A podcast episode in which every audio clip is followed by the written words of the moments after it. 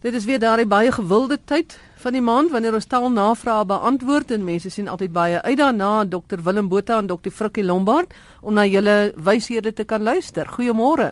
Hallo Magdalene, uh, Magdalene, hallo luisteraars. En ons begin sommer by jou Willem, van die Botha van Stilbaai het 'n interessante mededeling oor die woord boslanser wat nie met sy woordeboek se verklaring ooreenstem nie. Stem dit met joune ooreen? Ehm um, gedeeltelik Magdalene Fanny vertel baie interessant hoe hy en sy pa in die 40er jare met 'n ossewa met ses osse van George na die Bospoortstasie op Saasveld gery het en hulle het dan 'n lisensie gehad om om groot vragte boomstompe van bome wat reeds gevel is vir uitdunning te laai, op te saag en af te lewer. En ehm uh, dit was 'n baie moeilike taak. Soms moes hulle die boomstompe diep onder uit 'n kloof met met kettinge uitsleep en hy het geen ander woord sy lewe lank geken vir daardie mense wat daardie werk doen as boslansers nie. En nou sien hy in die HAT dat 'n boslanser word gedefinieer as 'n takhaar uit die bosveld met woeste hare. Hy sê dit, dit klop nie vir hom nie want sy mense was regtig hy onthou veral sy oupa as 'n eerbiedwaardige man, skoon geskeer en elke aand huisgodsdiens gehou, ouderling en uh, hy voel nogal skeer gemaak oor hierdie gebruik van boslanser. Maar Fani, Ek het vir jou goeie nuus. Dit begin by die WAT se definisie van boslanser. Die WAT het ook daardie betekenis van 'n takhaar in die bosveld, 'n minder beskaafde persoon en uh doodgewoon ook net 'n bewoner van die bosveld en dan ook die naam wat Ben Viljoen, generaal Ben Viljoen gegee het aan lafhartige burgers wat gedurende die Tweede Vryheidsoorlog met hulle vee na die bosveld gevlug het in plaas daarvan om op komando te bly. Maar daar's 'n verdere betekenis, 'n boer uit die bosveld met 'n groot baard wat onverskrokke dapperheid aan die dag gelê het in die Vryheidsoorlog. En toe het ek nog verder gaan navorsing doen Magdalene en in die WAT se materiaalversameling gaan krap deur honderde kaartjies gegaan en afgekom op 'n sitaat uit die Vaderland van 24 Julie, dis vandag tyd van opname weer 24 Julie 1951 waar die gebruik wat Fanie ken wel voorkom. Hier word gesê meneer Roots van Johannesburg is lelik die hoenders in vir meneer Foster omdat hy gesê het dat die boslansers kiepersol fabriekblokke gebruik het. Dit is nie waar nie sê meneer Roots. Die hout van die kiepersolboom is te sag vir briekblokke. Dit sal nooit 'n vrag van 14 tot 15000 pond kan rem nie. Die briekbok sal die arme kiepersol fyn druk teen die wiel. Die regte hout wat die boslansers gebruik het was vaarlanderwilger. So daar is die hele storie. Hierdie gebruik van boslanser is goed gevestig as dit in die vaderland gebruik is. Die probleem is net Ons het hierdie aanhaling in die Vaderland gekry in 1951 en deel 1 van die WAT het reeds in 1950 verskyn. So ons was nie bewus van hierdie betekenis van van boslanser nie, maar meneer Fanie Botha, jy is heeltemal reg. Dit is 'n gevestigde gebruik wat uit daardie tyd kom. As ek nou so Kaap toe verlang, lees ek altyd graag die burger, daar's vir my 'n sekere nostalgie aan die burger en dan let ek altyd op in die briewe kolomme dat die mense daar nogal baie aktief is oor taaldinge. En uh Frikkie, jy het een so brief wat jy in die burger gesien het wat gaan oor verskriklik en vreeslik. Die leser van die van die burger het uh in die briewekolom 'n uh, brief geskryf en gesê verskriklik net soos vreeslik moet eintlik daarom gereserveer word die gebruik vir iets wat skrikwekkend of afskuwelik is soos 'n verskriklike ongeluk of verskriklike drome wat ek droom uh waarin daar lelike goed voorkom.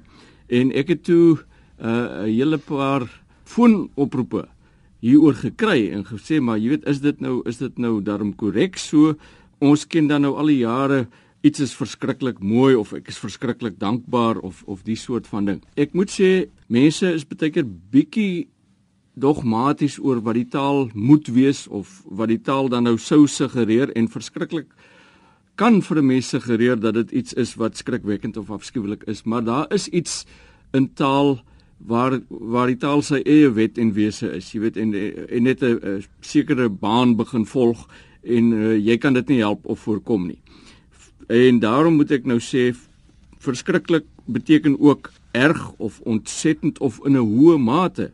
Met ander woorde as jy sê ek is verskriklik dankbaar of dit was 'n verskriklike mooi toneel, dan is dit in 'n hoë mate mooi of ek is in 'n hoë mate dankbaar en dit is heeltemal normale taalgebruik en dit dieselfde geld vir vreeslik. Vreeslik dankie hiervoor Frikkie.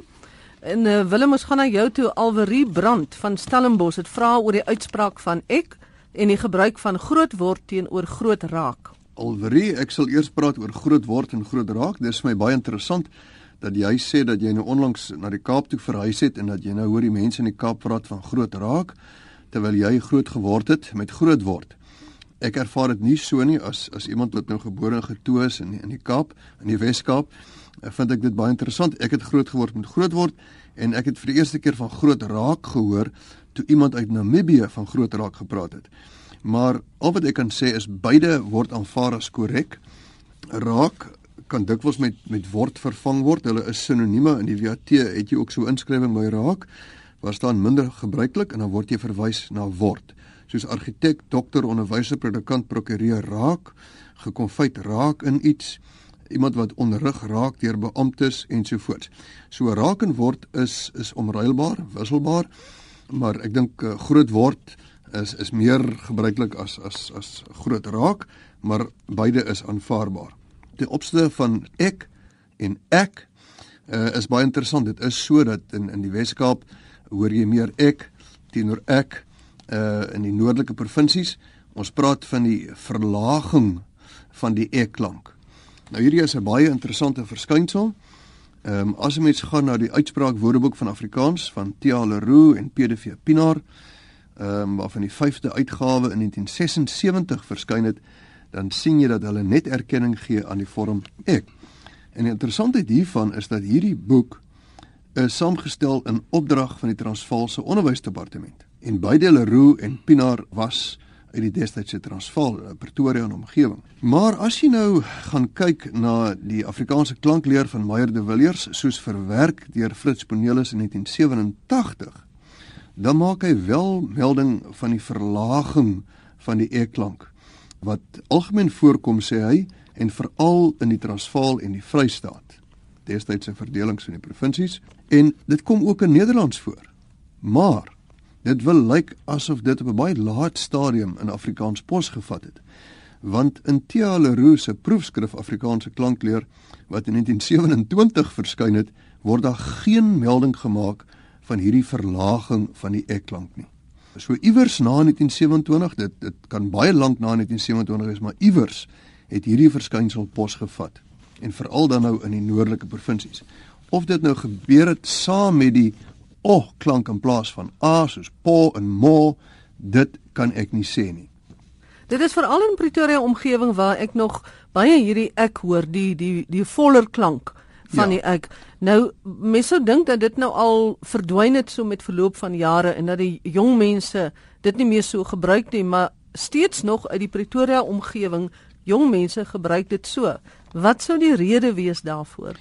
Magdalene, ek weet nie wat die rede is nie, maar ek dink die verskynsel het uitgebrei. Vandag se kinders of jong mense dan nou ook in ander provinsies, ook in die Wes-Kaap, sê nie meer ek nie, dit is iets tussen ek en ek.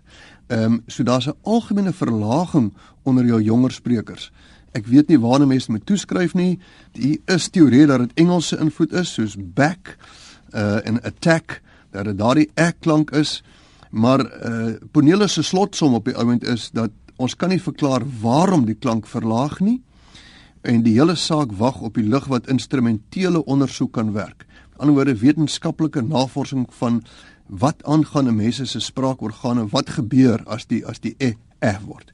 So die laaste woord is nie gespreek nie. Ek kan net sê dat as so baie mense die e klank handhaaf, kan ons dit nie meer as foutief of verkeerd of afwykend uh, beskryf nie. En ek dink ons moet maar sê daar is 'n wisseluitspraak e en e met verskillende tussenstadiums, né? Daar's baie mense wat wat iets tussenin sê. Dis nie 'n e nie, is ook nie 'n e nie, is iets tussenin.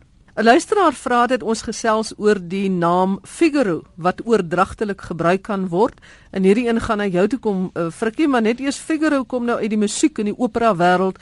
Kan jy sing? Hoe genaamd nie. Goed, dan moet jy maar vir ons jy, net in woorde antwoord. Jy moet my ook nie vra om dit te doen nie.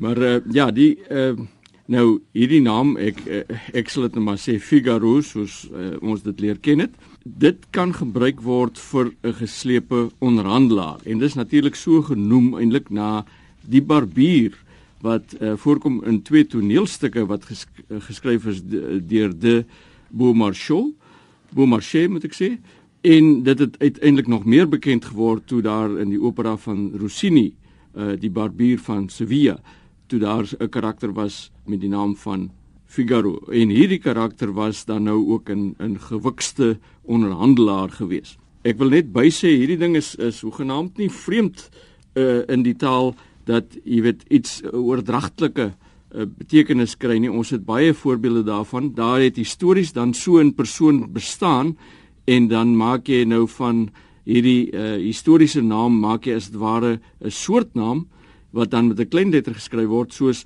iemand is 'n 'n Nestor sê ons of 'n Adonis of 'n Messias of 'n Nimrod. En dit beteken dan nou hy is in die geval van Nestor hy's 'n welsprekende of 'n wyse persoon.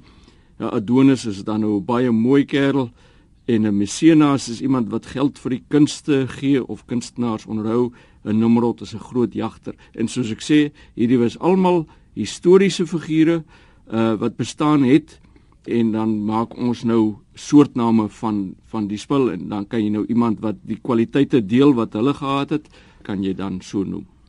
Marita Geldenhuys van Kaapstad wil weet wat sou ons in Afrikaans gebruik vir band? En nou moet ek net sê verlede week in ons program het ek so 'n stukkie voorgeles oor orkes en band na aanleiding van 'n brief wat ook in die burger verskyn het en mense verskil baie daaroor party voel sterk daarteen en party sê ja dit uh, kan nogal so deurgaan hulle aanvaar dit en ek het ook van Johan van Rensburg van die musiekfabriek 'n e-pos gehad wat 'n mooi uiteensetting daar gesit het. Maar uh, julle gaan vir ons antwoord wat is julle insette? Ek wil begin deur te sê dat orkes in Afrikaans het 'n baie breër betekenis as orkestra of band in Engels en dit sluit eintlik al twee betekenisse in. Die blote feit dat orkes in Afrikaanse verkleiningsvorm het, naamlik orkesie. Ehm um, die vorige uh, brief wat jy gelees het daarna verwys dat orkestra van Grieks kom en so ook Afrikaans. En dis heeltemal waar, maar mens moet kyk wat sê die Grieks. Jy kan nie terugwerkende betekenis na Afrikaans hê op grond van 'n Griekse woord waarvan hy afgelei is nie. Elke taal ontwikkel op sy eie. En orkestra en orkes kom uit Grieks, maar um, ons het dit eintlik in eh, Engels het dit eintlik uit Latyn. En in Latyn het orkestra beteken die senatoriese plek in die teater. En dit kom weer uit die Grieks waar orkestra beteken dit plek waar die koor beweeg halfronde plek voor die musikante waar gedans word. So in Afrikaans en Engels beide het hulle eie betekenisse geheg aan orkes en dit het weinig met Latyn of Grieks te doen. So die Griekse argument uh, tel nie eintlik hier nie. Nou in Afrikaans is 'n orkes 'n kleiner of 'n groter kombinasie van musikante wat verskillende instrumente saam bespeel en en die musiek kan wissel van dans, mars, agtergrondmusiek tot klassieke musiek. En as ons nou gaan kyk na Afrikaans teenoor Engels, in Engels is 'n orkestra 'n groot orkes met verskeie instrumente en 'n band is 'n kleiner orkes. As jy na iets kyk soos 'n boereorkes. Boereorkes in Engels is die term boeremusiek band. En ons gaan nie daarom begin praat van 'n boereband nie. Dit bly 'n boereorkes. 'n slagorkes is 'n percussion band, blaasorkes 'n brass band, 'n eenman orkes is 'n one man band. En dan die kadetorkes is 'n kadet band. Nou op skool het baie kinders gepraat van die band of die orkes, maar ons weet dit is die kadetorkes. Ehm um, dit sal nooit die term word band sal nooit Afrikaans word vir 'n kadetorkes nie. Nou in Afrikaans praat ons ook van popgroepe en rockgroepe en ook so in Engels 'n popgroep en 'n rockgroep in Afrikaans het ons ook nog iets wat Engels net nie. Ons sal praat van 'n popmusiekgroep of 'n rockmusiekgroep. Nou, popgroepe, rockgroepe, popmusiekgroep, rockmusiekgroep kan in Afrikaans ook 'n poporkes, 'n rockorkes of net 'n groep of net 'n orkes genoem word. 'n Goeie voorbeeld hiervan is die Radio Kalahari Orkees. Nou ek is geneig om wanneer daar 'n sanger of sangers ingesluit word is eerder van 'n groep te praat as 'n orkes want dit is 'n musiekgroep, né? Soos groep 2 van die 70er en die 80er jare. Ek het toevallig onlangs na 'n dokumentêre program oor Elvis Presley gekyk en daarin sê hy Let me introduce you to the members of my group en nie of my band nie. En daar was 'n klavierspelers, strykers, blasers en 'n perkussie uh persoon. As ons kyk na Nederlands, ehm um, ek weet die voorbeeld wat jy dikwels noem is band sonder naam. Nou as jy gaan na Anna, Afrikaans, Nederlands, Nederlands, Afrikaanse Woordeboek, 'n baie onlangse publikasie, die mees onlangse publikasie oor Afrikaans en Nederlands, gee hulle wel band aan in Nederlands as 'n informele leenwoord uh, in Nederlands met die meervoud bands. Hulle sê dan dat dit informeel is en uh, hulle gebruik egter ook orkes. Dis jy kan ook praat van orkes in meer formele verband en ook van 'n orkesie, 'n orkesie vir 'n band. En nou in die ANA, die Afrikaans Nederlands Nederlands Afrikaanse uh, woordeboek gee hulle voorbeeldsinne. Hulle sê daar band is ook informeel in Afrikaans, net soos in Nederlands. Maar dan gee hulle voorbeeldsinne by band, dan sê hulle the band speel. En dan die Afrikaanse voorbeeldsin daarbey is die orkes speel. In een band speel Afrikaans in 'n orkes speel. Een band oprigting, 'n orkes begin. Maar Nederlands praat ook van 'n popgroep en 'n rockgroep. So eh, is my onduidelik hoekom hulle dit dan inkort tot net 'n eenvoudige groep nie. Maar ek dink 'n mens moet die realiteit is dat jy in in Suid-Afrika byvoorbeeld in die jong mense se omgewing en waar veral Afrikaanse rockgroepe en popgroepe so groot opgang maak. Dis tog onrealisties om te dink dat die kinders en die jong mense gaan praat van 'n poporkes. Dis nou 'n lekker rock rockorkes en dis 'n lekker poporkes en so aan. Band is die algemene sê nou maar dan die informele gebruik en gaan dit nie teenproduktief wees om nou te probeer veg daarteen. Nee, ek veg nie. Ek skets die situasie ja. informeel, maar dit is net soos die game in awesome ja. en stunning en tackle en ref. Hy val in daai klas vir my. Dis informeel, maar dit is tog heeltemal sinvol om van 'n groep te praat. Nou ja, ek dink daai gesprek oor band en orkes gaan nog lank aan wees verskeie standpunte en miskien moet ons eendag eh, 'n uh, klompie jong mense kry uit sulke orkeste of bands uit om saam te gesels sommer oor al die ander taaldinge wat hulle aanvang. Dr Andrew Moffat wil weet of daar 'n onderskeid gemaak word tussen assessering en evaluering. Dis nou in skoolverband en hoekom die woord assesseer eerder as evalueer gebruik word om studente of kinders of leerders se werk te beoordeel. En Frikkie, jy moet vir ons antwoord asseblief. Ja, ek het eh, ek het eh, helaas nie werklik 'n goeie antwoord vir vir eh, Moffat nie. Al wat ek kan sê is dat dit vir my lyk asof daar gekies is in skoolverband deur die administrateurs van van skoolsake, onderwysadministrateurs, uh dat, dat hulle in plaas van evaluering praat of evalueer praat van assesseer. En dit vind ook uh, neerslag in sommige woordeboeke alreeds soos uh in die HAT staan by assesseer byvoorbeeld dat dit beteken om uh handelinge en skriftelike werk soos in skoolverband tipies gekry word te evalueer en te bepunt. Daarvoor gebruik hulle dan assesseer en dan praat hulle ook van assessering wanneer hulle praat van daardie handeling. En ook in die uh, eh, VAW uh, eh, woordeboek, dit is ook 'n handwoordeboek. Ehm uh, daar kry ons assessering stand, standaard, ekskuus, assessering standaard sê ek net weer. Dit is die verwagte vlak van bevoegdheid in elke leerarea.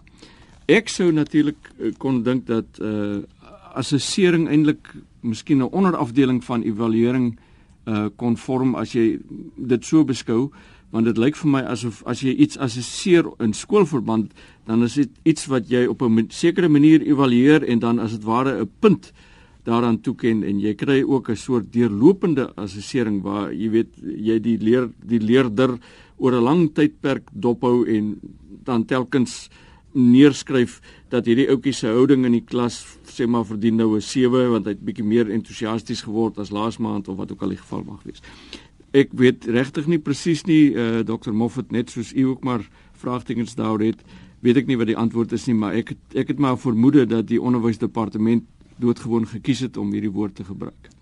Willem Ines binneman van Saldanha vra of dit korrek is dat hulle plaaslike koerantjies skryf 'n mens woon lekker op die Weskus, die snoek loop lekker op die Weskus, die fees vind op die Weskus plaas, so ek neem aan dit gaan op die Weskus. Dit gaan daaroor. Ja, hy sê moet ons nie liewer praat van aan die Weskus nie. Mense woon lekker aan die Weskus, die snoek loop aan die Weskus. Dit is 'n moeilike een in Ines. Ek wonder ek het met baie mense gepraat, ek en Frik het ook gepraat. Miskien is langs beter. Ek woon lekker langs die Weskus. Of selfs ek woon lekker in die Weskus. Uh, maar aan is natuurlik korrek maar die snoek loop weer lekker aan die Weskus kan soms 'n bietjie kan 'n bietjie geaffekteerd aandoen. So ek sal aan die Weskus is definitief korrek. Uh maar soms dink ek kan 'n mens maar ook praat van langs die wet, Weskus of in die Weskus selfs in die streek, maar langs lyk vir my nou die mees logiese en en een wat die minste aanstoot kan gee.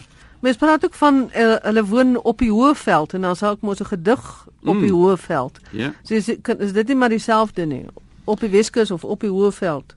Ja, maar die Weskus is nou hierdie lang lyn met die see by hom, so dit is 'n um, ehm, bietjie anders as die Hoëveld. Jy kan op hom woon, hè? Hy's hoog. Maar nou hy het 'n probleem met op. Hy sê dit voel of dit voel vir hom of hy bo op die Weskus woon as hy dit hoor. En dan woon jy weer in die Laagveld en in die Karoo. Nee. So dit is nogal mm. ja ja 'n interessante verskynsel ja. dwars hoor. Ek dink ons het tyd vir nog so 'n laaste navraag en dit is van professor Dion Knobel van die Kaap en hy vra na die herkoms van krieseltjie en kriool of dan 'n enkelvoud kriesel. Ja, eh, en hy die wonderlike ding wat hy oplet is as hy so 'n krieseltjie kos laat val dan 5 minute later dan krioel dit van die mure. Dit is wat hom op hierdie gedagte gebring het om die, om die vraag te vra. Nou kriesel of krieseltjie bestaan reeds uh, sedert 1683 in Nederlands. Ons weet 'n krieseltjie is maar 'n baie klein stukkie of gedeelte van iets. In Nederlands het dit beteken 'n kleinigheid. Jy weet as jy uh, kan jy dink as daar nie eers 'n krieseltjie oorbly nie, dan daar nie eers so 'n kleinigheidjie oorgebly nie. Soos ek sê, sedert uh, 1683 bestaan dit reeds. Kriool ken ons in die betekenis min of meer van in groot getalle aanwesig wees of in groot getalle wriemelend beweeg of wemel. Uh dit gaan terug na Nederlands toe kruwelen en dit beteken eintlik om te kruip. Met ander woorde jy dit uh, in gedagte gebring met uh allerlei wriemelende insekkies of diertjies wat so beweeg het. Maar vandag is dit nie net daar meer sulke dingetjies nie. Jy kan ook sê hierdie opstel krioel van die spelfoute, dan wil jy maar net sê daar is talle talle spelfoute daarin aanwesig. En iets kan ook krioel van die mense as daar 'n groot uh, skare is in bedrywighede is. Dr Willem Botha en Dr Frikkie Lombard, baie dankie vir julle deelname. daarmee dan die einde van ons tale program vir vandag. As jy 'n uh, navraag ingestuur het oor Mati kaptein en Stormers kaptein en Song en Kafufel en Amanzimtoti, aanbeeld ensovoorts dan moet jy na ons volgende taalnavraag program luister volgende maand. Groete van my Magtedeen Kreer.